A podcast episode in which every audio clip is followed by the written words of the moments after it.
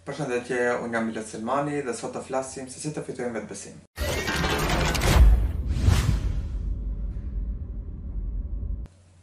Ok, pra, para se të fillojmë, dua t'ju falenderoj shumë për përkrahjen që më dhuroni në Instagram, siç e dini ju që më ndiqni, kam arritur 30000 fansa në Instagram dhe jam shumë i lumtur për këtë gjë. Faleminderit shumë që më përkrahni dhe tregoni dashurinë ndaj poezive të mia. Ok, pra vazhdojmë me temën. Njëherë do të kuptojmë se kush janë këto persona të cilët nuk kanë besim në vetvete. Zakonisht këto persona janë persona të cilët nuk kanë guxim të shprehin atë që dëshirojnë, nuk e shprehin atë që mendojnë dhe nuk kanë besim në vetveten dhe në veprat e tyre. Domethënë gjithmonë janë në luftë me vetveten. Unë për sot kam pregatitur disa pika për ju të cilat do të flas më gjerë dhe besoj që do fitoni më shumë vetëbesim. Fillojmë me pikën e parë. Figurë e gabuar për veten.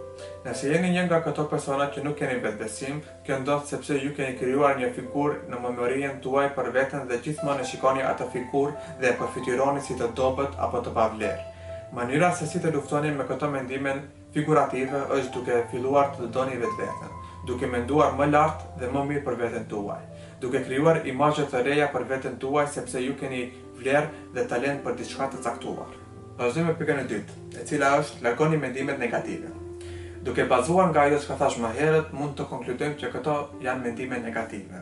Pasi jeni në dijeni tani që jeni duke menduar negativisht, erdhi momenti që t'i dhuroni pak kohë vetes, të mos e gjykoni veten për për diçka që keni bërë dhe ndiheni keq, apo të mos e stresoni veten sepse vetëm do e humbni vetëbesimin tek vetvetja që e keni. Pra, duke u munduar të mos mendoni negativisht për jetën tuaj dhe të mundoheni më shumë të kujdeseni për vetveten, do fitoni më shumë vetëbesim. Filloni të mendoni pozitivisht. Vazhdojmë me pikën e tretë, paraqitja e jashtme.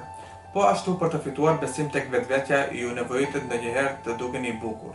Ndoshta nuk do ju duket serioze kjo që thash, por pamja e jashtme po ashtu ndikon shumë tek njerëzit dhe vetë e keni vërejtur që kur keni diçka mangut, nuk ndiheni rehat, vazhdoni të brengoseni. Kjo nuk do të thotë që patjetër të visheni shumë bukur apo me stil, që të tjerëve t'iu pëlqeni, por të jeni të rregullt, të pastër dhe rehat me dukjen tuaj. Pra, në atë që paraqitni para të tjerëve edhe pse vlen të ceket se vetëbesimi lidhet edhe me pjesën ku njeriu nuk i jep rëndësi mendimeve të të tjerëve, qoftë edhe për veshjen edhe ndonjë stil të veçantë që ju keni. Por, kjo nuk do të thotë që të mos dukeni e të visheni bukur. Pra çdo gjë që na rrethon ndikon në psikologjinë e njeriut dhe rezulton në vetëbesim. Ok pra vazhdojmë me pikën e katër e cila është kuptoni aftësitë e juaja dhe zhvilloni ato. Një fakt tjetër shumë i rëndësishëm është njohja e vetvetes. Shumë herë edhe e kam përmendur edhe në Instagram që nëse nuk e njihni vetveten tuaj do të keni shumë probleme në jetën tuaj, Dhe një nga ato problemet është edhe vetëbesimi. Sot shumë njerëz jetojnë por nuk e njohin vetveten. Prandaj nëse nuk e njihni vetveten është shumë e rëndësishme sepse nuk do jeni në dijeni se çfarë kapacitete, çfarë limite posedoni, sa jeni në gjendje ta mbroni vetveten tuaj dhe sa jeni në dijeni për fjalët që i thoni. Po ashtu kur jeni duke biseduar me dikë, shikojeni veten nga një këndvështrim tjetër dhe shikoni se çfarë mendimi do kishit për veten tuaj. Domethënë, vazhdimisht analizojeni vetveten. Kur do të kuptoni limitet e juaja, atëherë jeni një hap më lart me vetëbesimin që keni. Pasi të dini se çfarë keni pikë të dobët, mundoheni t'i sfidoni ato pika. Për shembull, nëse s'keni vetëbesim të flisni, thoni në kokën tuaj tani do flas. S'ka problem nëse dikush do qesh apo do tallet. Lironi veten dhe flisni duke sfiduar në këtë mënyrë do vëreni që pas një kohe do filloni t'i shprehni mendimet tuaja. Një shembull tjetër është kur ju nuk jeni në dijeni të vlerave që posedoni. Mendoni se nuk jeni të duhurit për një punë të caktuar. Sfidojeni veten, thoni vetes që do ta provoj edhe nëse gaboj, sepse së fundmi njerëzit mësojnë prej gabimeve të tyre. Vazhdojmë me pikën e pesë. Mbroni të drejtat dhe mendimet debatoni nëse është nevoja. Tjerë persona që s'kanë vetëbesim ndeshen shumë herë me persona që mundohen t'i ulin. Mos pranoni se si ju trajtojnë dhe të hyni në depresion kur të shkoni në shtëpi duke menduar se pse nuk ia thatë disa fjalë që të mbroni veten. Kur ju atakojnë, E keni për detyrë ta mbroni veten, pa dallim toni të zërit tuaj se si tingëlloni duke qarë apo diçka tjetër. Ngrisni zërin dhe mbrojeni veten tuaj. Mos u bëni kundërshtarë të vetvetes. Ok, pra vazhdojmë me pikën e gjashtë, e cila është sfidoni veten. Kjo temë është shumë e gjatë, por si përfund dua t'ju rikujtoj fuqishëm që dalngadalë të ndryshoni zanatet që i keni, të ndryshoni pikët e dobëta që i keni. Caktojeni çdo ditë nga një sfidë vetes dhe veproni ndryshe sot nga ajo e djeshmja, dhe më besoni që dalëngadalë do fitoni vetëbesim. Pika e shtatë dhe e fundit është keni durim. Ndryshimi apo vetëbesimi nuk ndodh brenda një nate. Ajo ndodh duke i futur vetes karakteristika të reja. Ndryshoni veten tuaj për të ndryshuar jetën tuaj, sepse një jetë e keni dhe s'keni askënd tjetër pos vetes suaj.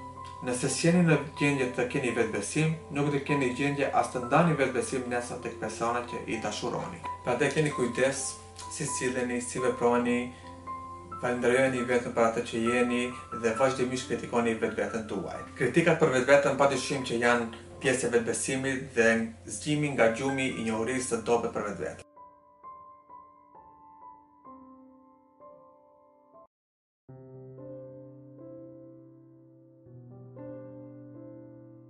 Ok, pra normalisht kjo video duhet të përfundoj tani, por siç kam thënë Instagram, do këshilloj edhe në video të YouTube-it nëse keni ndonjë pyetje dhe këtë javë kam marrë tre pyetje nga tre ndjekësit që duan këshilla dhe vazhdojmë me pyetjen e parë. Domethënë pyetja e parë është, kemi dy vite lidhje, a mendon se jemi gati për fejes? Unë 22 dhe djali 25. Unë mendoj se mosha më e preferuar për fejesë është kur jeni mbi 20 vjeç dhe siç e shoh ju e keni kaluar këtë moshë dhe atëherë nuk më mbet asgjë se vetëm t'ju uroj fat dhe lumturi. Ok, pra vazhdojmë me pyetjen e radhës.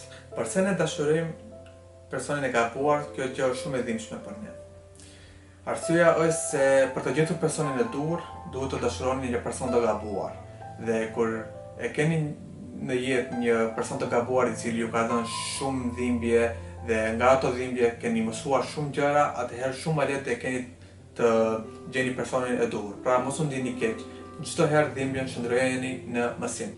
Dhe pyetja e tretë dhe e fundit për sot është a ja vlen të vuash për dikë që u largua prej teje pa asnjë arsye?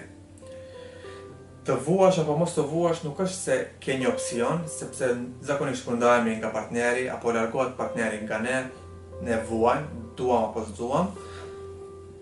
Por nuk do të vuajmë deri në fund të jetës. Kjo është ajo që dua ta them, sepse kur vuani ju në në procesin e vuajtjes duhet të mësoni shumë nga dhimbja dhe siç e shoh këtu tek pyetja ke thënë është larguar partneri pa arsye, që nuk ja vlen të të vuani as pak, sepse përderisa ai është larguar pa arsye, ai ka pasur një arsye që nuk ka pasur fytyrë t'ua tregojë juve atë arsye që ka pasur. Dhe besoj se arsyet mund të jenë të shumta, ai ka të ka tradhtuar apo ka filluar një lidhje të re dhe s'ka pasur fytyrë të të tregojë ty, e vetmja mënyrë për t'u larguar nga ty është të largohet pa arsye. Prandaj, përderisa ka vepruar kështu, nuk ia vlen të vuash, të sugjeroj të vazhdosh jetën përpara dhe do gjesh dikë më mirë. Ok, pra kjo ishte videoja e sotshme, shpresoj ju ka pëlqyer, ju lutem më bëni subscribe dhe komentoni më poshtë se për çfarë duhet të flas për videot e ardhshme dhe do shihemi herën tjetër.